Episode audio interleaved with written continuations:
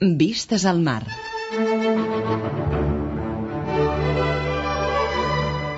Vistes al mar. Una mirada als nostres músics.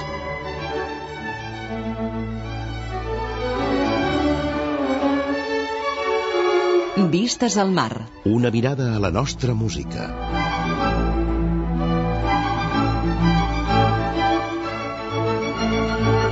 Vistes al mar. La música i els músics que han fet història al nostre país. Vistes al mar.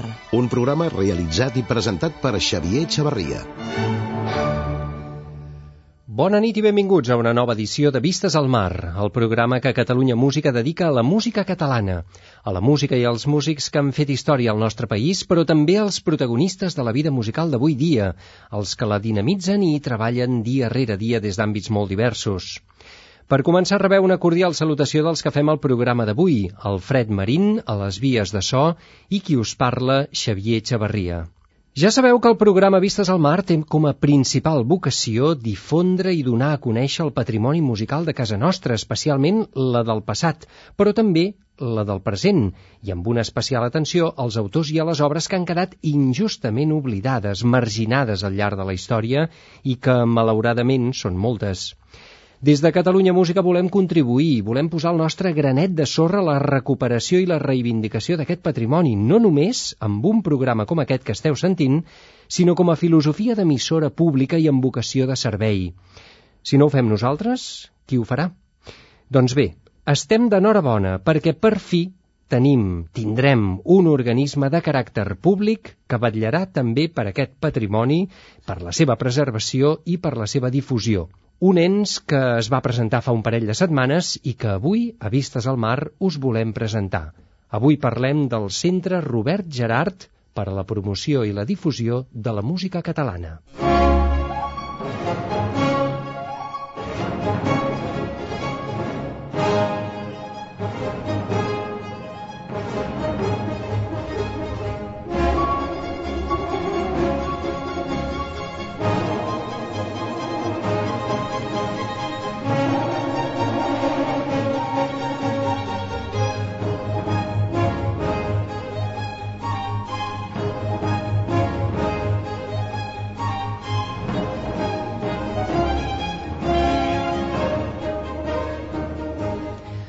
El pitjor que li pot passar a un compositor és néixer a Catalunya. Són paraules pronunciades pel compositor i violinista Joan Manent als anys 50 i que va citar un altre compositor, en aquest cas actual, Josep Maria Mestre Esquadreny, en l'acte de presentació d'aquest centre, el Centre Robert Gerard. I aquest centre sorgeix com a reacció precisament a aquests dèficits de coneixença i difusió de la nostra música i dels nostres músics. Està auspiciat per la Conselleria de Cultura i Mitjans de Comunicació de la Generalitat de Catalunya i tindrà com a centre neuràlgic l'Auditori de Barcelona. El coordinador, el cap visible d'aquest centre, és el musicòleg Oriol Pérez i Treviño i té al darrere una comissió assessora de 13 personalitats de reconegut prestigi, representants de les institucions acadèmiques, universitàries i científiques involucrades en el camp del patrimoni musical. El centre Robert Gerard ja ha començat a treballar i té una sèrie d'objectius primordials i d'accions immediates que aviat podrem tastar. Per començar, un concert de presentació al mes de novembre a l'Auditori de Barcelona. Però serà molt més interessant conèixer-ne tots els detalls per boca del seu coordinador, de la persona que lidera aquest centre Robert Gerard. Avui tenim amb nosaltres Oriol Pérez i Treviño. Bona nit, Oriol, i gràcies per ser amb nosaltres. Bona nit i gràcies a vosaltres per aquest entusiasme. Escolta, tan malament estem en aquest país, tan oblidats tenim els nostres músics o què? Realment això que va dir en Joan Manent, de que el pitjor que li pot passar a un compositor és néixer a Catalunya, no hi ha un país pitjor? Jo faria una pregunta davant de l'observació i és si anem amb algú del carrer amb una cultura més o menys mitjana i li, di, li diem, digui'm el nom de cinc artistes, cinc pintors... Poetes... Poetes, escriptors, escriptors no? catalans. Ens els diuen. Si ens diuen si demanem cinc compositors, jo ho he provat en gent llicenciada per la universitat. catalans. Cinc compositors catalans. No surten. No surten. Fins i tot eh, arribant al punt de que compositors del nostre país eh, els escriuen doncs, a la, la cultura espanyola, és a dir, que no se'ls troben com a seus, Isaac Albéniz, Enric Granados... Mm, saps que Enric Granados a Lleida? No, no, no n'hi havia caigut Mhm. Per tant, alguna cosa no s'ha fet bé o no s'està acabant de fer bé, no?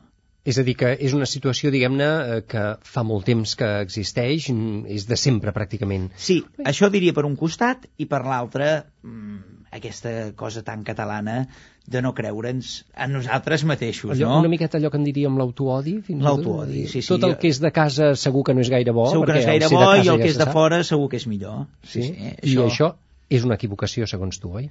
Jo crec que és una equivocació. Mhm. Jo penso que ja comença a ser hora una mica de reivindicar-nos i no en un sentit, jo diria, de una reivindicació política, sinó una reivindicació cultural, simplement demostrant allò que és just a nivell cultural i artístic. És a dir, per què és millor Hasse, Jomeli i Pergolesi que no pas eh, Tarradellas? És una qüestió d'adscripció. Mhm. Per què si en el seu moment... Perdó, perdó, Domènec Tarradellas. Domènec clar, Tarradellas, Perquè eh? algú a la presentació comentava també, diu, sí que en Tarradellas pot ser hi ha molta gent que es pensa que és només un president de la Generalitat. I algú va comentar, no, no, és que hi ha gent que pot ser que es pensa que és només una avinguda que hi ha a Barcelona. Exactament. No, i, i, I, vaja, jo no sé fins a quin punt arriba el grau de, diguem-ne, de desconeixement, per no dir incultura, Mhm. mm. en la gent que hi ha en aquest país. Tu creus? Sí? Jo crec que sí. Domènec Tarradellas, Domènec és un, Tarradellas fins i deu tot... conèixer un 1% de la població catalana. mm, o menys. Fins i tot, a veure, si un llegeix una novel·la fantàstica de, de Denis Diderot, com és el, Le Nebot de Ramó, és a dir, el nebot de Ramó, Mm -hmm. cita Tarradellas. Dius, a veure, com pot ser, eh, vinculant Ramó? Bé, és que després te n'assabentes que aquest Tarradellas va conèixer Ramó, i també va conèixer Gluck, i també estrenava en el mateix teatre que estrenava eh, Handel. I que era de molt prestigi en aquella i època. que era de moltíssim, perquè el Teatre High Market de Londres, vull dir, això és de... això és primera divisió. I com pot ser de que hagi passat el temps i ningú això... mm, alguna cosa no s'ha impulsat, no s'ha acabat de, de, de convèncer-nos a nosaltres mateixos. És a dir, queda clar que tenim compositors catalans, gairebé a totes les èpoques, que són de primera divisió i que estan oblidats. Sí, Perquè senyor. la gent podria dir també, oh, és que potser no són prou bons, vull dir, Händel ha passat a la història i Tarradellas no, perquè la diferència és abismal. Estem no és dient cert, Tarradellas, però si no, no sé, per exemple, un exemple ben clar que tothom coneix. En el segon acte del Don Giovanni de Mozart hi ha una cita, i cita un compositor que és Vicent Martín i Soler, un compositor valencià. Mozart el cita amb tota la tranquil·litat perquè veritablement qui estava marcant el gust estètic musical de l'època. Fort, no? Vicent Martín i Soler. Vicent exacte. Martín i Soler. Mhm. O, per exemple, en un altre ordre de coses, te n'assabentes doncs, de que Handel era un enamorat del so de l'oboè dels germans Pla. I qui eren els Pla? Fins i tot tenim tanta desgràcia que en una certa edició, una editorial ale- alemana, l'editorial Schott, publica un concert de Pla i el transforma en un concert de Platti, perquè, clar, no sabia ni qui era Pla i eren uns germans que eren especialistes justament amb els instruments de vent, flautes, oboès, també altres pràctiques instrumentals, per exemple el saltiri, i que fins i tot Jomeli havia dedicat un concert per a saltiri a un dels germans Pla. Per tant, Jomeli, eh, estem parlant realment de tot un contorn que és aquest contorn doncs, del que realment s'ha dit com l'excel·lència de la música del 18. Uh, Jean-Jacques Rousseau, que tothom entén doncs, que és el gran filòsof de la il·lustració, d'una il·lustració més sentimental, més allunyada doncs, de, de la raó, eh, gairebé que anuncia el romanticisme. Ell fa una, un petit eh, vodevil, que és la, la de Vin du Village, i ell intenta imitar l'estil de Tarradellas. Bé, són alguns exemples que a mi em sembla que donarien a pensar que què és el que ha succeït, què és el que no s'està fent i què és el que cal fer per una mica intentar-ho canviar. Si més no intentar-ho, es canvia o no es canvi, doncs ja, ja ho veurem, no? Déu-n'hi-do, déu nhi déu ens has fet un estat de la qüestió realment O un altre que se interessant. m'acut així sí, ràpidament. a veure, a veure. Ah, ja, no sí. acabaríem mai, eh? Si els demanem, per de exemple, recuperar. quins són els teatres que coneix la gent d'òpera i de ballet de Rússia, tothom immediatament dirà potser el Marinsky i el Bolshoi. I si dic, i vostè sap que hi va inaugurar el Teatre Bolshoi? Doncs va ser un ballet de Ferran Sor. Del barceloní Ferran Sol, aquell que, diguem-ne, el coneixem per les seves peces per a guitarra, bàsicament. Exactament. Doncs ell, el seu ballet, La Ventafocs, estrena, va ser el repertori, l'obra escollida per a inaugurar el Teatre Bolshoi de Moscou. Això vol dir de que Sor, evidentment, a part del repertori per a guitarra, més d'uns salons aristocràtics, etc etc, era un dels compositors que estaven doncs, marcant referència en el seu moment i que, òbviament, fins al dia d'avui, doncs, més en la guitarra, però que havia fet ballets de gran importància. Uh La proposta d'aquest centre Robert Gelart, de qui surt? És a dir, d'on va sorgir la idea d'engegar una iniciativa com aquesta? Jo penso que conflueixen tres pilars. Un pilar és el, el, el, les pròpies dinàmiques de l'Auditori de Barcelona, que, com sabeu, no únicament està sent un centre d'exhibició i de difusió, sinó que també està esdevenint, evidentment, és un centre doncs, de, de producció, però també té diferents potes. És a dir, a part de la temporada de l'OBC, té una important temporada de cambra, té un parell d'orquestres residents a part de l'OBC, la servei educatiu, la Capella Reial de Catalunya, el servei educatiu, el Museu de la Música, l'Escola Superior de la Música de Catalunya. O sigui, són diferents mm, parts que constitueixen el fet musical musical i que, òbviament, doncs, n'hi ha un, que és el del repertori històric vinculat amb la pròpia realitat de l'auditori, no? Per tant, aquest, aquesta seria una, una primera atenció. La segona atenció és el propi Departament de Cultura, que hi ha un moment que se n'adona compte doncs, de que això que està succeint, que com és que al llarg de la història s'han produït tota una sèrie d'esdeveniments de l'aparició de figures tan importants a la història de la música i que no han reixit, no han acabat de permeabilitzar-se en el coneixement d'una persona doncs, de cultura mitjana, com és que això no es coneix. I la tercera sí que no me'n puc estar de dir-ho, que moltes vegades doncs, la, sembla que les coses sorgeixin perquè sí, i a vegades tenen noms i cognoms. I en aquest cas jo diria doncs, que és un nom que és Josep Maria Mestre Esquadreny. Josep Maria Mestre Esquadreny jo diria que és un d'aquells compositors que li ha interessat, ha viscut, viu amb, amb tot l'apassionament per aquest patrimoni musical i va ser també de les persones doncs, que va posar damunt la taula la, la necessitat i per tant no em fa cap mena de... És a dir, no cauran els anells a ningú i jo penso que és de reconeixement que en bona part si s'ha acabat activant aquest centre en Josep Maria Mestre Esquadreny hi té molt a veure i, i, i vaja, així ha estat. Per últim, evidentment, també diria que a part de tot això també es detecta que estan sorgint diferents iniciatives, ja sigui doncs, en festivals, sigui doncs, amb orquestres, sigui amb grups de recerca, sigui amb etc etc, doncs que alguna cosa s'està movent i s'està coent en el camp doncs, de la reivindicació del patrimoni musical català. Mm -hmm, perquè cal dir que Oriol Pérez i Treviño, a part de ser musicòleg de formació, té una llarga trajectòria en el món de la música clàssica, eh, en tot el món, diguem-ne, del Festival de Torroella a Montgria, Joventuts Musicals, eh, tu, diguem-ne, has estat involucrat i estàs encara involucrat en moltes iniciatives de gran envergadura en aquest país des del punt de vista musical, no? Bé, soc director adjunt del Festival de Torroella, treballo allò que es diu cos a cos, costat a costat amb en Josep Lloret, un gran dinamitzador i promotor de la música en aquest país, i de a part, el, el treball que s'ha fet en l'anomenada la, xarxa de músiques a Catalunya, que potser doncs, la xarxa de músiques que ha sigut més un programa d'abast nacional, d'abast català, doncs, de difondre la música, però sobretot buscant allò que s'ha anomenat recerca de noves audiències per a la música, ja sabem tots els problemes que tenim amb les audiències per a la música en viu, no només per la música clàssica, jo diria per tota la música en viu, i per tant, doncs, que hem fet tot un treball treball no només en el camp de la música clàssica, el jazz, sinó també doncs, amb altres cultures musicals.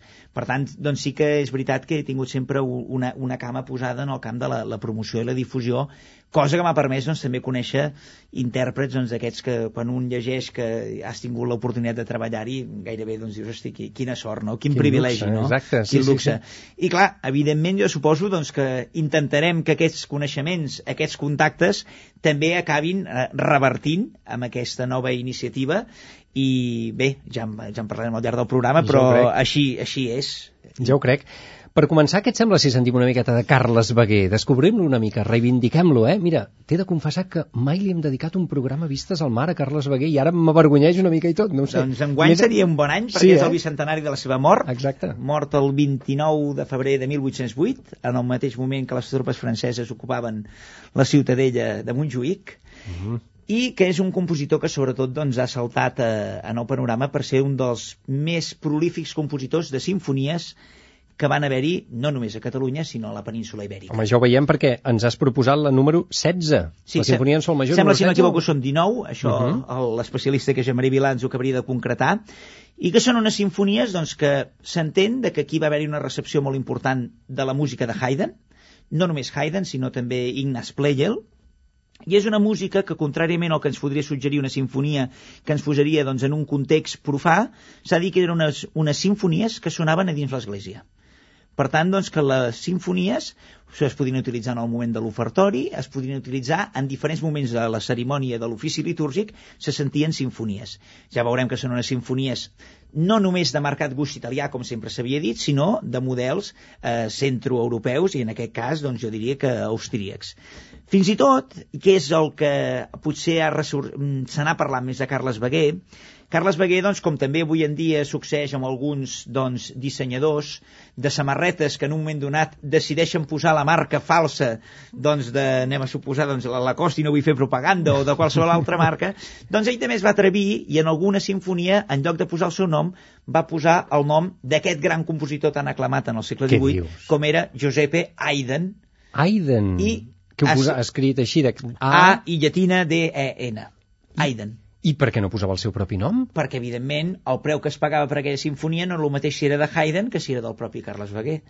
Aquesta és la teoria que llença el Joan Maria Vilà i que em sembla que és molt encertada. Eh, hi ha una sinfonia que surt com a Haydn i que després s'ha pogut corroborar que en una altra apareix com Carles Beguer, però en, en tenim una que encara avui en dia no s'ha pogut localitzar i que forma part, és a dir, tenim les 107 sinfonies de, de Haydn i després tenim allò que es diuen els falsos Haydns, no? Uh mhm. -huh. Doncs bé, una d'elles va ser localitzada a l'arxiu de la seu de Manresa, doncs tenim un Giuseppe Haydn. Els manresans poden dir que hi ha un Haydn. Fals, això sí. No és un Haydn. No és un Haydn. És, és una sinfonia més eh, molt marcada pel coneixement de la Sinfonia 69, la Sinfonia Laudon, de Haydn, i, vaja, és sinfonisme mediterrani.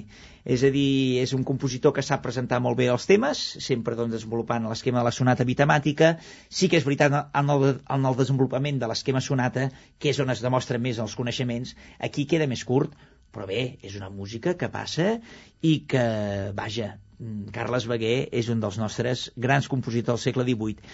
Molt estimat a l'època, segons sembla, era molt, molt apreciat per les seves improvisacions a l'orga, fins i tot en temps de Corpus era mm, especialment perquè ell realitzava improvisacions sobre temes, sobre cançons populars, això també ens portaria a pensar de sempre d'aquesta constant permeabilització de, de mons, el món, el món profà, el, el món les més llibertats d'orga. Exacte, les llibertats d'orga, exactament. Sí, sí. Hi havia un moment molt maco que diu que s'obria una part de l'orga, s'obria les trompeteries i que caien carmels uh -huh. i fer la gent doncs, es tirava damunt dels carmels. I l'altre moment important, jo diria, amb la història també doncs, de la ciutat de Barcelona, és el 1807, amb motiu doncs, de la beatificació del doctor Josep Oriol, que havia mort en 1702, doncs el fet de la beatificació porta a la a la composició d'un oratori, el retorno del doctor Josep Oriol, que va ser estrenat a l'Església del Pi de Barcelona i que també doncs, és un oratori fantàstic que també manca recuperar i que Carles Beguer doncs, eh, va realitzar déu nhi comprovem-ho, doncs. Sentim música de Carles Beguer, és l'Allegro Assai, primer moviment de la seva sinfonia número 16.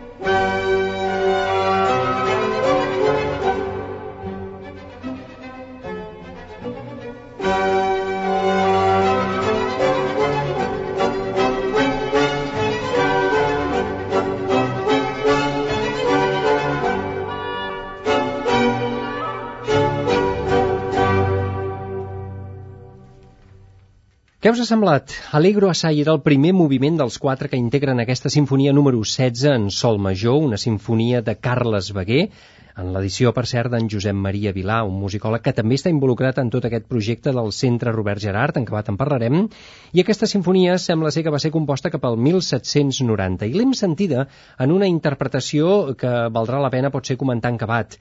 És una orquestra, l'orquestra barroca La Principessa Filòsofa, així es deia fins no fa gaire, perquè ara ha canviat el nom, ara és Acadèmia 1750, i serà protagonista d'algunes de les accions més immediates d'aquest centre Robert Gerard. Així la van interpretar el dimarts 8 d'agost de 2006 a l'església parroquial de Sant Genist, on es fa aquest festival de músiques de Torroella de Montgrí. Vistes al mar. Una mirada a la nostra música. Efectivament, aquesta orquestra, la principessa filòsofa que sentíem ara interpretant aquest veguer, s'ha convertit en l'Acadèmia 1750, és com una crisi de, diguem-ne, d'adolescència, eh? diguem, perquè ha millorat molt, eh? l'hem sentit l'any passat, la vam sentir ara el juliol passat, també vam fer una transmissió directa, i és una senyora orquestra.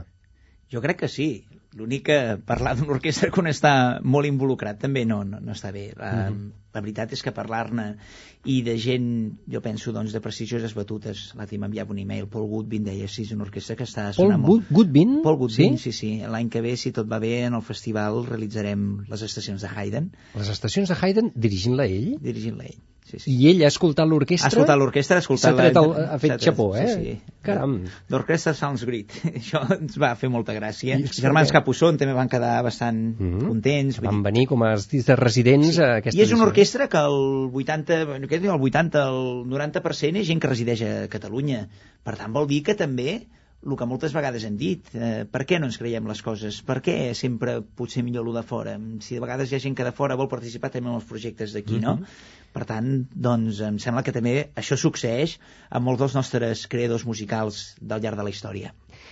Haurem d'estar molt, molt pendents d'aquesta evolució també, però abans de continuar endavant, hem de, ens hauries d'explicar els objectius bàsics d'aquest centre Robert Gerard. Bé, jo penso que hi ha un primer objectiu que és evidentment doncs, el de vetllar la situació. És a dir, estem parlant molt de patrimoni musical català i el parlem de vegades d'una forma abstracta.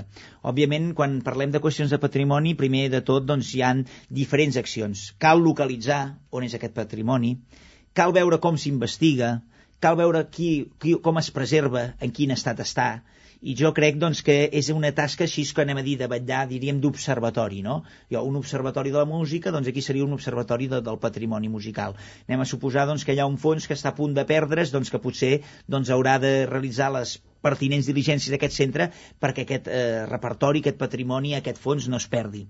Evidentment, després el segon pas, que és el que bàsicament dona títol al, al centre, centre per a la promoció i difusió. La difusió com s'entén? Jo diria que s'entén en tres àmbits. Un és el que atendria a tot allò que s'anomena el món bibliogràfic, amb això vull dir doncs, l'edició de llibres, d'assajos, de monografies, de biografies relacionades... I de partitures, amb, també, I de partitures, no? -huh. evidentment, de patrimoni musical català. El segon en direm edició de fonogrames. Si fos aquesta entrevista cinc anys enrere encara et diria edició de CDs com que no sé quin futur li espera el CD, que això seria un altre tema molt com, llarg. Com a suport. Com a suport. S'estan morint els CDs, eh? Ja. Encara, encara en farem, però ja veurem. Igual d'aquí dos anys estem parlant doncs, que ho estem penjant a la xarxa i que la gent s'ho podrà descarregar, eh, etc etc. Per uh -huh. tant, diríem, edició de fonogrames. I per últim, eh, òbviament, fer que aquest repertori, és a dir, que una vegada s'hagi interpretat, els propis músics se'l faiguin seu. És a dir, acabi sent allò que es diu el programa que tu portes a dins la cartera, no?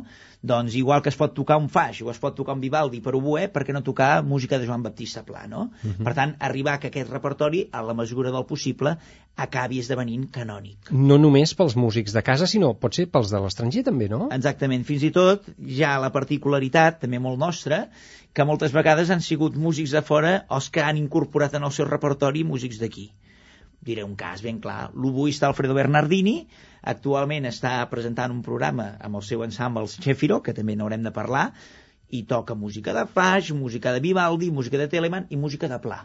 És a dir, són els estrangers que ens treuen les castanyes del foc, gairebé. No eh? sempre, no sempre, però moltes vegades passa això. És a dir, que hi ha una apreciació major o més interessant per part de fora que no per, per part de la gent d'aquí. Per exemple, un dels millors enregistraments que hi ha de la música de Beguer els va fer els London Mozart Players. Va ser és un, un disc que, que està editat a Xandos Eh, també és veritat que aquí hi ha hagut diferents intents i més reixits, menys reixits, però el cas de que també hem de procurar això. Igual que es pot tocar doncs, una sinfonia de Misliveche o de Tuma, per què no tocar doncs, un Baguer, un Fàbrega o un Pla? Mm -hmm. Depèn d'institucions públiques, això ho hem de deixar ben clar, oi? Que sí, el Centre Robert Gerard depèn de la Generalitat de Catalunya, oi? Ara per ara depèn del Departament de Cultura i Mitjans de Comunicació, Òbviament, aquí diríem que hi hauria una, una aportació doncs, d'un pressupost, però obvi, també és veritat que aquest centre s'acull, eh, és a dir, s'integra dins del projecte de l'auditori, per tant vol dir tots els instruments de què ja disposa l'auditori, tant doncs, el que seria de, de, de promoció, de comunicació, de premsa, etc etc, també comptem amb ells. Per tant, doncs, és allò que s'anomena sinergies, no? Per un costat, un, un, uns diners, per l'altra banda, el propi auditori, i l'altra vegada que és una mica la, me la meva tasca, fer que aquests diners no siguin únicament això. Per tant, aquí hi haurà la col·laboració amb aquelles iniciatives més de l'àmbit privat per tal d'anar doncs, allò que s'anomena o una col·laboració o una coproducció. És a dir, provocar, produir que ja les iniciatives que ja s'estan havent en l'àmbit privat es trobin una mica recolzades i poder anar de bracet i sumar esforços. Per tant, uh -huh. aquesta és una mica la, la idea que em sembla que en temps de crisi és el millor que hi ha.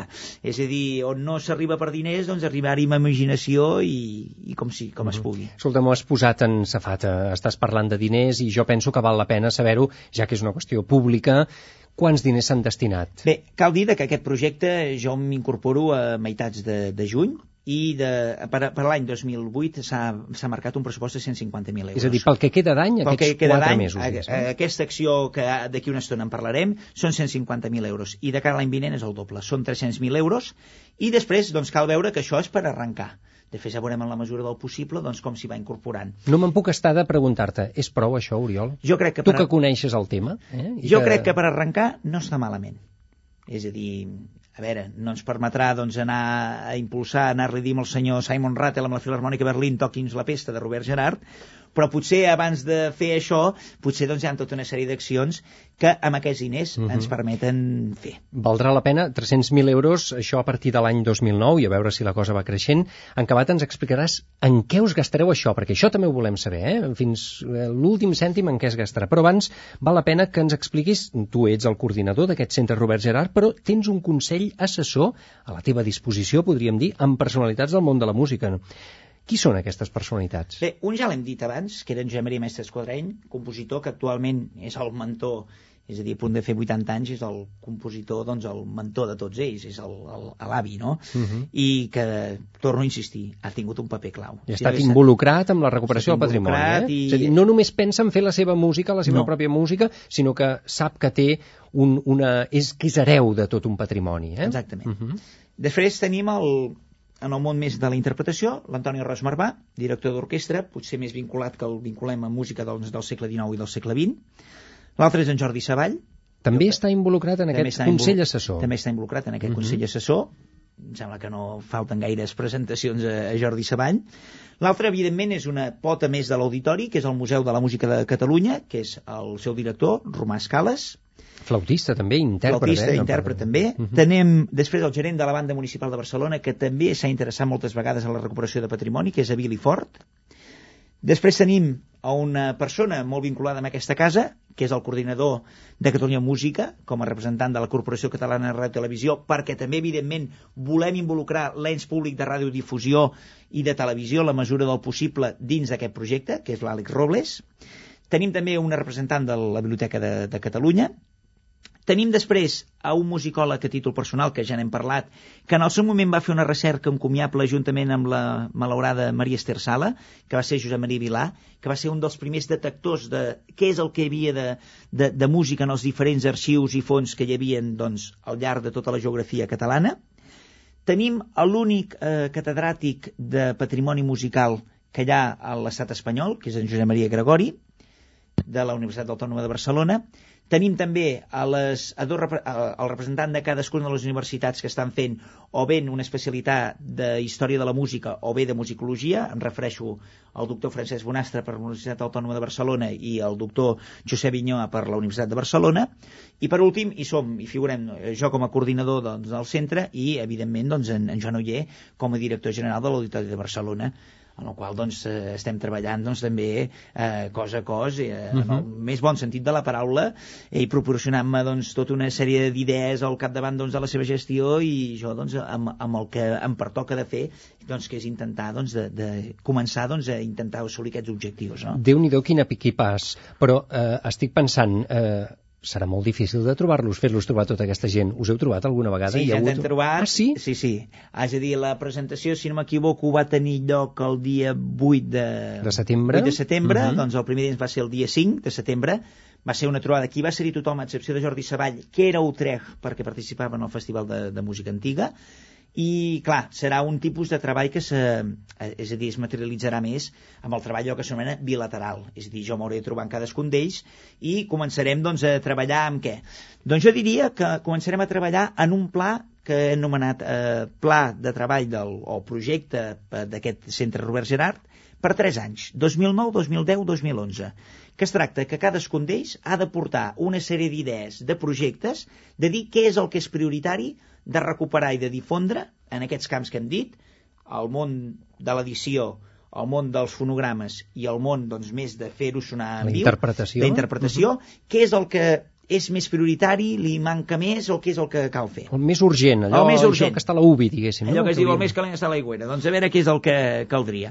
I després, doncs, evidentment, haurem de consensuar, perquè, clar, cadascú tindrà la seva, els seus interessos, eh, interès en el bon sentit de la paraula, doncs eh, un preferirà, doncs, jo què sé, sinfonisme del 18, un altre serà més partidari de Francesc Valls, o un altre dirà, doncs, igual el que hem d'anar a recuperar és el repertori de l'art subtil i orcallà a la Biblioteca de Catalunya. Dependrà.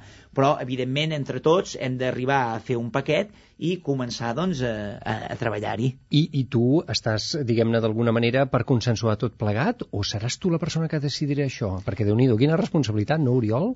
categoritzar tota la música que s'ha de redescobrir encara o que s'ha de recuperar, no? Bé, més categoritzar, jo penso que aquí eh, seran dues iniciatives. És a dir, no crec que al centre li pertoqui de dir que si aquesta recuperació és bona o dolenta. El que sí que hem de fer nosaltres com a, com a gent especialitzada en difusió i promoció és que, en primer lloc, que la interpretació sigui el màxim de ben feta possible. I parlo en el camp de la interpretació.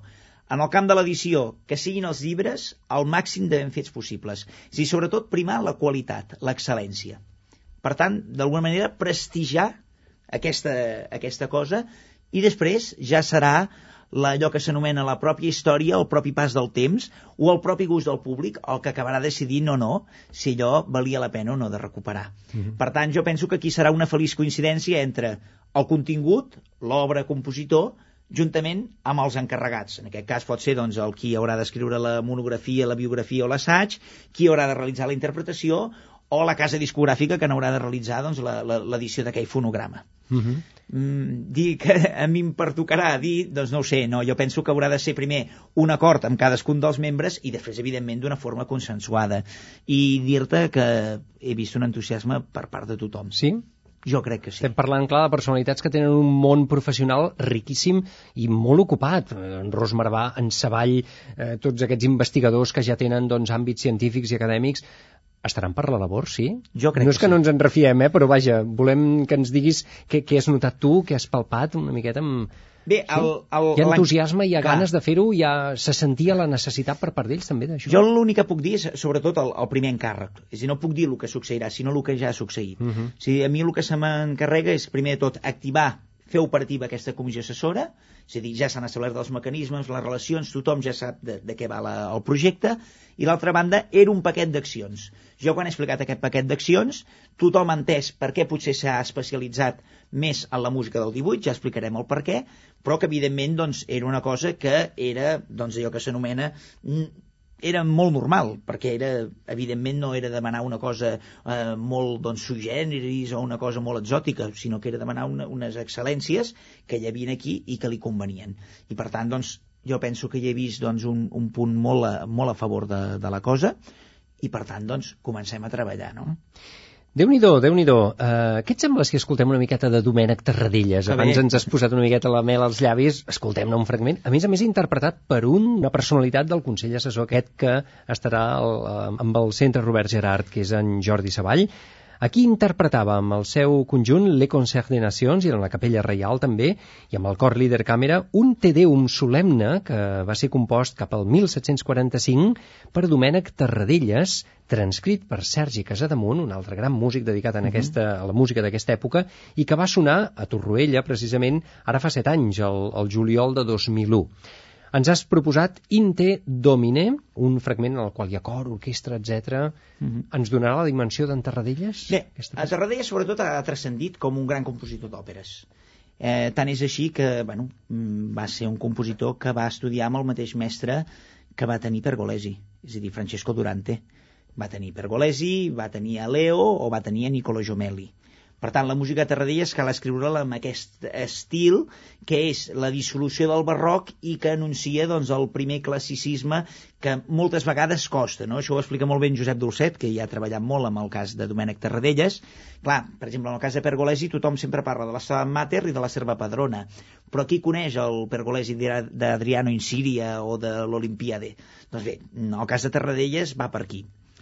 En el cas de per què hem escollit aquest fragment, perquè justament Tarradella sempre l'hem ubicat molt més en el món doncs, de, la, de la música dramàtica, però també va ser un important compositor de música religiosa. I en aquest cas és un Tedeum que va rescatar doncs, en Sergi Casademunt, una persona que no està en el Consell, però que evidentment doncs, haurem de tenir molt en compte perquè fa treballs realment molt interessants i corulls d'idees i de fascinació perquè ell és un apassionat per aquest repertori i que ens va donar l'oportunitat doncs, de, de poder-lo escoltar a Torroella i que em sembla que pot donar molt bona compte quan ho escoltem de quin tipus de música eh, estem parlant. Aquest concert, que es va celebrar el mes de juliol, el 28 de juliol del 2001, a l'església de Sant Genís de Torroella, va ser enregistrat pels equips tècnics de Catalunya Música i va sonar d'aquesta manera. Sentim el fragment final d'aquest Te Deum de Domènec Tarradellas.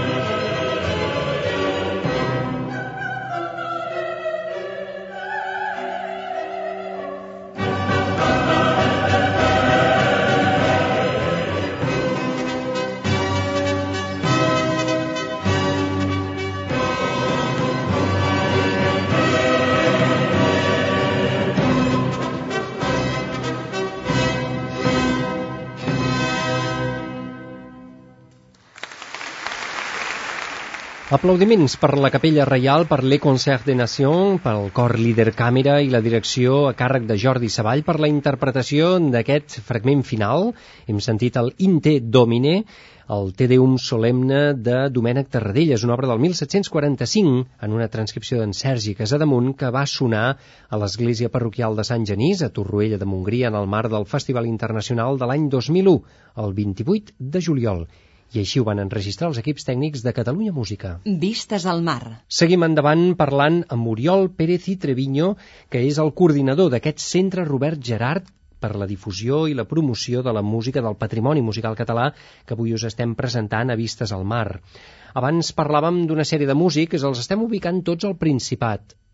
Entenem que això, l'àmbit geogràfic d'aquest centre és només el Principat? No, en un principi sí que és veritat que l'acció anirà molt centrat en el Principat, però la idea és claríssima i contundentment pels països catalans. Quan diem països músics, catalans, Balears, país valencià, país... L'únic que això també ens permetrà també cooperar amb altres jo que s'anomenen comunitats autònomes.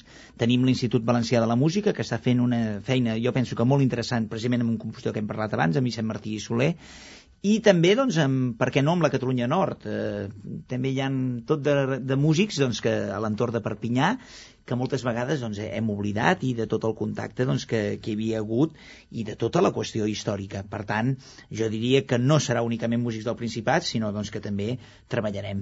Eh, avui, per exemple, em parlava Josep Dolcet eh, sobre François de Foixà, vull dir, és un guitarrista del segle XVIII absolutament esplèndid, que li manca també una qüestió de recuperació i era de Perpinyà, i que després va venir cap a la península Ibèrica. Per tant, alguna cosa s'haurà de fer amb aquest senyor, no? Uh -huh. I pel que fa a l'àmbit temporal, pròpiament, clar, ens has estat parlant de músics del segle XVIII, que és sobretot l'àmbit que tu toques més i tot plegat, però estaríem parlant de música medieval fins a l'actualitat, fins a la música contemporània?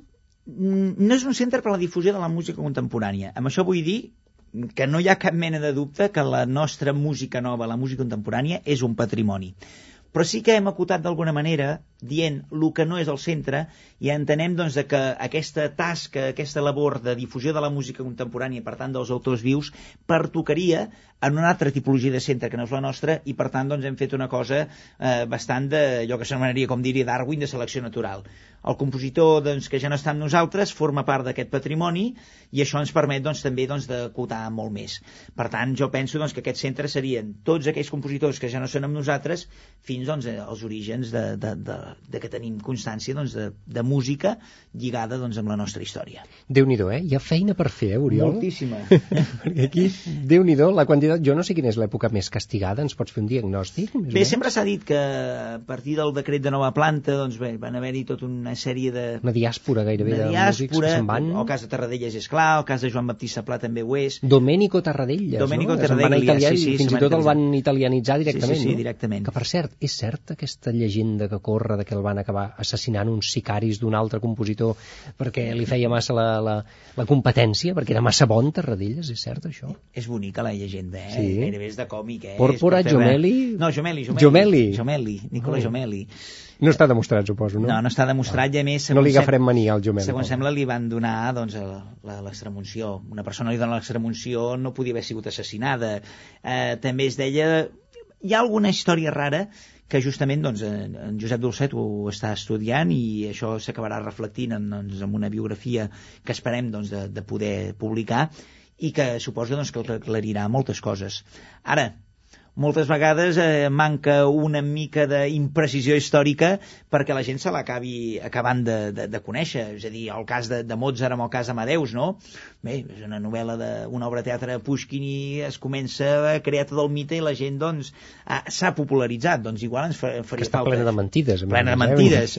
és a dir, però és allò del si no ne vero ben trobat, no? Exacte, I per sí, tant, sí, sí. doncs, si això hauria de produir que la gent escolti més les òperes de Tarradellas, doncs, per què no? Benvingut fos, no? A veure si hi ha algun dramaturg que em fa una obra de teatre també d'en Domènec Ferradelles d'aquests atzars de la seva atzarosa vida. Um, Parlem de qüestions concretes. Quan es presenta en públic aquest centre i quines són les primeres accions que fareu amb aquests 150.000 euros que teniu per aquests quatre mesos que venen i amb, amb, amb tota la, diguem-ne, amb tota la dotació econòmica a partir d'ara? Quines són les accions? Bé, la primera cosa serà un concert de presentació no crec que la tasca d'aquest centre sigui la d'organitzar i de promoure concerts, sinó que més bé la seva tasca ha de ser, ha de ser la de cooperar en festivals, en cicles, amb el propi auditori perquè aquest repertori històric català soni.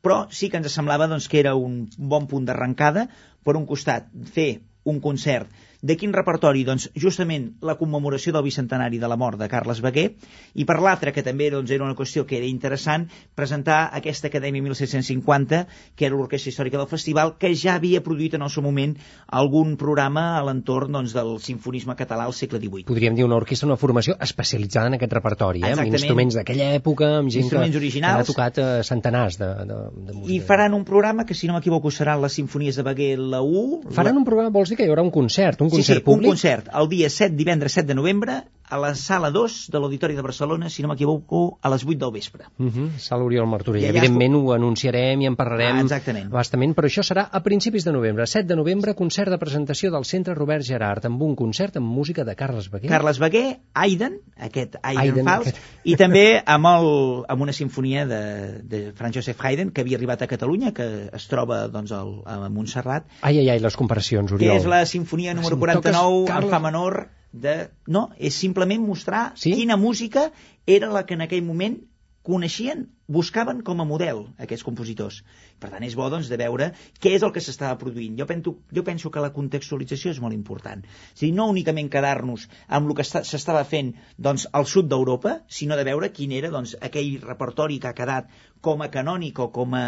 mm, La, que la musicologia germànica ha col·locat doncs, com de primera divisió, doncs veure com també havia influenciat. Aquesta sinfonia que diem d'aquest Fals Haydn, segurament, dic segurament perquè no, no, no està del tot clar, composta per Beguer, no es pot comprendre sense la recepció, sense el coneixement de la Sinfonia 69, amb do major del propi Haydn. Per tant, és una mica allò que deien els germans Schlegel, no? Escrivim perquè llegim. Per tant, aquests compositors componien segons els models perquè primer els rebien. Exacte, sens dubte. Després amortitzarem, evidentment, doncs, la preparació d'aquest concert amb un enregistrament de sinfonies de Beguer, que hi haurà la 1, la 2, la 15, la 16, el concert per dos fagots i orquestra, una cosa que a mi particularment em fa molt feliç perquè permet eh, donar joc a Josep Borràs, que en el seu moment va gravar el concert per a fagot d'Anselm Viola i un altre magnífic fagotista, Carles Cristóbal, que doncs, seran els, els solistes d'aquest concert i eh, també doncs, aquesta sinfonia d'aquest Fals Haydn. Per tant, jo penso que quedarà un CD monogràfic dedicat a Carles Beguer extraordinari, amb un segell que encara estem acabant de, de tancar, i per tant doncs, tindrem per primera vegada una interpretació amb instruments originals, amb criteris històrics, de la música doncs, de Carles Beguer. I de gran categoria, perquè a vegades, no ens enganyem, es fan recuperacions de música de compositors catalans, sigui de l'època que sigui, amb tota la bona voluntat del món i encara gràcies que hi ha aquestes iniciatives, però a vegades es fan unes interpretacions que representen una mena de segona mort, eh? Sí. d'aquests compositors. Una obra O ho fas bé o no val la pena fer-ho, Sí, a vegades. Eh? una obra que s'ha de recuperar mal interpretada és la seva segona mort. I, malauradament, hi ha casos eh, prou conegut de tothom.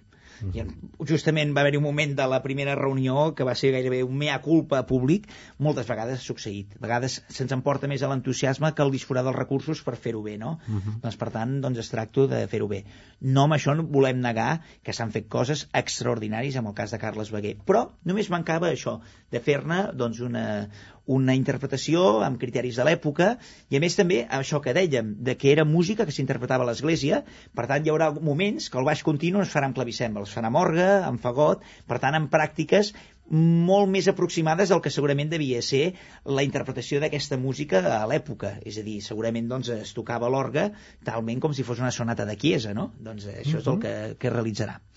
Tenim ja un disc i un concert. Això mateix. Uh, dos discs més. Un que enregistraran, que ja està enregistrat, que és el que va realitzar a l'ensemble Dolce Tempesta amb la soprano Maria Grazia Schiavo, uh, centrat en, precisament en Domènec Tarradellas. Són italians, aquest grup. Són italians. Uh -huh.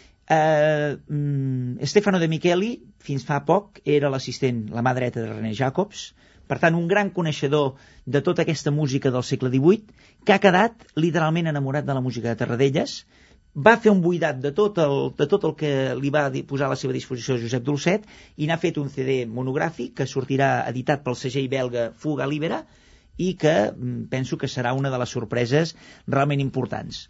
Una altra sorpresa amb una magnífica i gran interpretació. la que realitzarà l'ensemble Chefiro, amb Alfredo Bernardini, n'hem parlat abans, amb un segell que publicaran a Sony Classical, cal dir que Sony Classical Sony Classical. ja havia tingut la sort, però sobretot a partir de dos intèrprets de gran vàlua, com eren doncs, eh, el desaparegut Jean-Pierre Rampal i Claudi Rimany, doncs en aquest cas serà tot un CD monogràfic dedicat a la música, eh, és a dir, música solista per oboè de Joan Baptista Pla. Teníem ara el de flauta, doncs tindrem el, el d'oboè. Aquesta edició de tres concerts per oboè i orquestra de Joan Baptista Pla i del concert per dos oboès anirà acompanyada també doncs, d'una edició de, la, de les partitures Mm -hmm. per tal de que es pugui doncs, conèixer Exacte, que tothom tingui accés i que tothom les pugui tocar, no? Que estiguin editades les partitures, que no s'hagi de recórrer en un, en un arxiu. en un no? arxiu i que un musicòleg, la transcripció, fer-ne als papers, que sempre és molt laboriós. Facilitar-ho. facilitar-ho. I per últim, una acció que ja depenia del Departament de Cultura, que es va perdre i que potser s'havia centrat molt en el camp precisament de la música contemporània, que era aquella col·lecció de compositors catalans que havia, es va fer... Llibres, oi? Llibres. Biogràfics, bàsicament, Biogràfics, es va fer primer amb l'editorial Boaló, després es va fer amb, amb Proa, ara estem veient doncs, com ho acabem d'encaixar, i que ens agradaria doncs, que estigués més dedicada als compositors catalans històrics. Sí, perquè fins al- aleshores em sembla que eren bàsicament compositors actuals, Sí. vius la major Hi part. havia eh? hagut el, la Mot de Grinyon, hi havia hagut eh, Montpou, però clar, ens sembla doncs, que és important doncs, que hi hagi tots aquests. No? I els dos primers que comencem són els dos que han pogut batejar el centre. Un sí que ho ha estat, que és el de Robert Gerard, que hi està treballant justament Josep Maria Mestre Esquadreny, gran coneixedor, que l'havia conegut en vida Robert Gerard, i l'altre és un que ja estava fet, però que només faltava, doncs, faltarà actualitzar i de posar-lo al dia, que és un dedicat doncs, a Felip Pedrell, veritablement gran pioner de la, de la musicologia doncs, al nostre país. Escolta, Oriol, no me puc estar. Eh, el centre es diu Robert Gerard. S'hauria pogut dir Felip Pedrell. Felip Pedrell... Per què vau escollir en Robert Gerard? Eh, aquí hem discutit moltes, moltes vegades i jo penso que al final arribem a un punt. Eh, Robert Gerhardt, que era el nom veritablement, Exacte, eh, perquè la el, forma el és seu suís, pare era suís, etc. suís, Eh? té una internacionalització que possiblement, doncs, eh, bé, ens donava peu, primer de tot, a la reivindicació d'un català universal que mai està a la llista de catalans universals. Això és una cosa clara. Segona, que havia sigut un important creador de la música del segle XX. Només que vam escoltar el passat juliol La Pesta per donar-nos compte Del Liceu, de la, sí, sí, amb Ros Marvà, de la gran contribució que va ser del Robert Gerard. Però és que a més ell també va estar eh, treballant a la Biblioteca Actual Nacional de Catalunya i que va realitzar una transcripció precisament d'una òpera de Domènec Tarradellas, la Merope. És a dir, que ell ja estava involucrat amb aquesta recerca i descoberta del patrimoni tot plegat. A l'època de la República, Robert Gerard va tenir, diguem-ne, tenia un càrrec públic de la Generalitat que el va portar a exilar-se just després de la Guerra Sí, Civil, oi? aquí hi hauria molta història, de vegades llegint les, la seva la biografia del seu germà, del Carles, eh, bé, hi ha tota una història, però uh Mhm. -huh. que em sembla doncs, que comença a ser una mica de justícia que Robert Gerhardt. A més, ens consta que importants intèrprets l'adoren. Realment la música de, de Gerard és molt, molt De molt gran interessant. categoria. De gran categoria. Gairebé podríem dir que l'apreciem més segons com fora de les nostres fronteres, pot ser. Possiblement, de vegades es pensen que és anglès. Déu-n'hi-do, déu nhi déu Doncs escolta, ja que comentaves en Joan Baptista Pla, podríem escoltar un fragment d'aquest enregistrament que ja està fet, a més a més eh, va ser Jean-Pierre Rampal qui tocava una de les triosonates per a dues flautes i baix continu, la en re menor precisament. Què et sembla si sentim l'alegro d'aquest triosonata? Em sembla fantàstic. Toca Claudi Arimany i Jean-Pierre Rampal.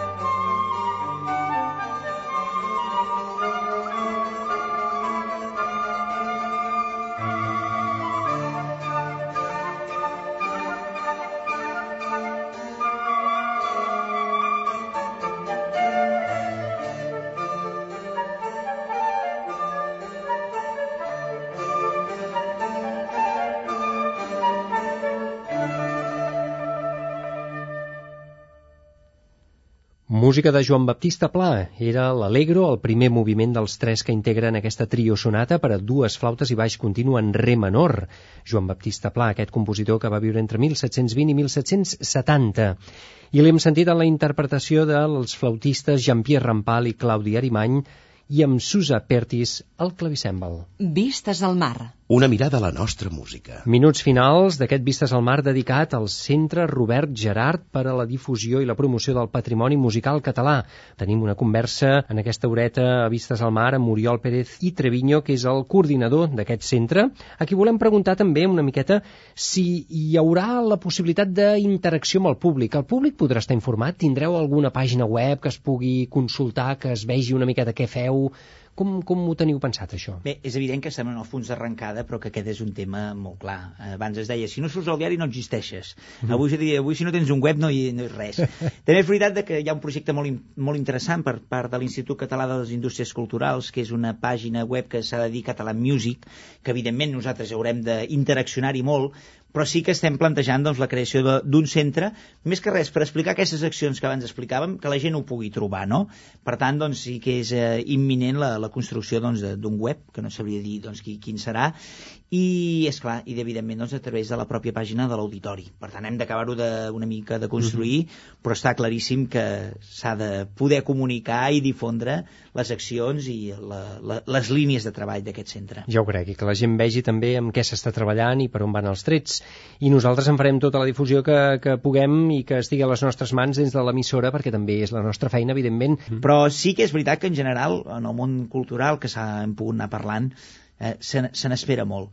Jo no sé si arribarem, evidentment, a respondre a aquesta demanda, a aquesta necessitat, però si més no de crear-ne alguns productes que veritablement doncs, ens donin compte de, de quin passat i de d'on venim, no?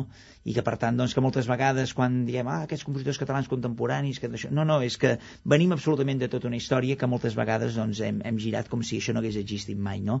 Eh, es parla de tantes vegades de memòria històrica. Doncs aquí també ens pertoca una mica reivindicar doncs, la memòria històrica, en aquest cas d'un patrimoni musical català, que com hem pogut doncs, parlar abastament, és complex, ric i que en el seu moment doncs, va jugar, amb, dient un termes esportius, a la divisió d'honor.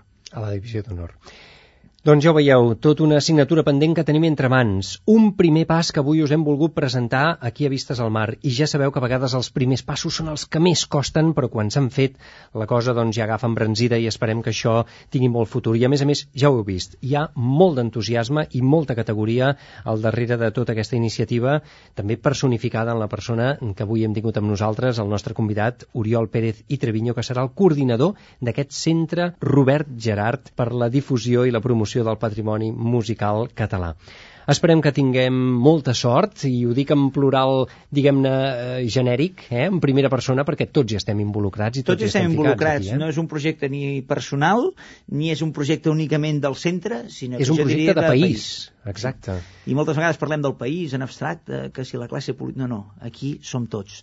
Des de l'intèrpret que toca, des de qui coneix un repertori, des del propi públic per apostar de deixar-se convèncer, no? De no dir, no, és que és més música catalana. No, no, no. Deixem-nos contagiar uh mhm. -huh. i ens adonarem d'allò que tenim, i a més que és nostre, i això encara és un valor afegit. I convertir-nos en ambaixadors de la nostra pròpia cultura i patrimoni musical. Ja Ho intentarem. Tant de bo. Moltíssimes gràcies, Oriol. Gràcies a ha estat un plaer i et desitgem moltíssima sort amb tot això perquè segur que la necessitaràs perquè hi ha molta feina per fer aquí, eh? Jo crec que sí, gràcies. Que vagi molt bé, Oriol Pérez i Treviño, gràcies per ser amb nosaltres i a tots vosaltres també, estimats oients de Catalunya Música i de Vistes al Mar. Esperem que hagueu descobert tota aquesta iniciativa i que us hi apunteu, que us hi animeu i que també hi col·laboreu des del punt de vista dels consumidors de la música, en aquest cas de la nostra música, la música de Catalunya. Així ho desitgem els de Vistes al Mar. Avui hem estat amb vosaltres Alfred Marín a les vies de so i qui us parla Xavier Xavarria. Divendres que ve hi tornarem a ser com sempre, en aquesta hora nocturna dels divendres, a la sintonia de Catalunya Música. Que acabeu de passar un molt bon divendres i bon cap de setmana. Vistes al mar.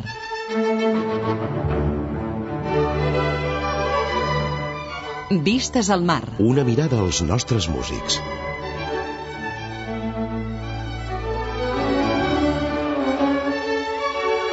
Vistes al mar. Una mirada a la nostra música.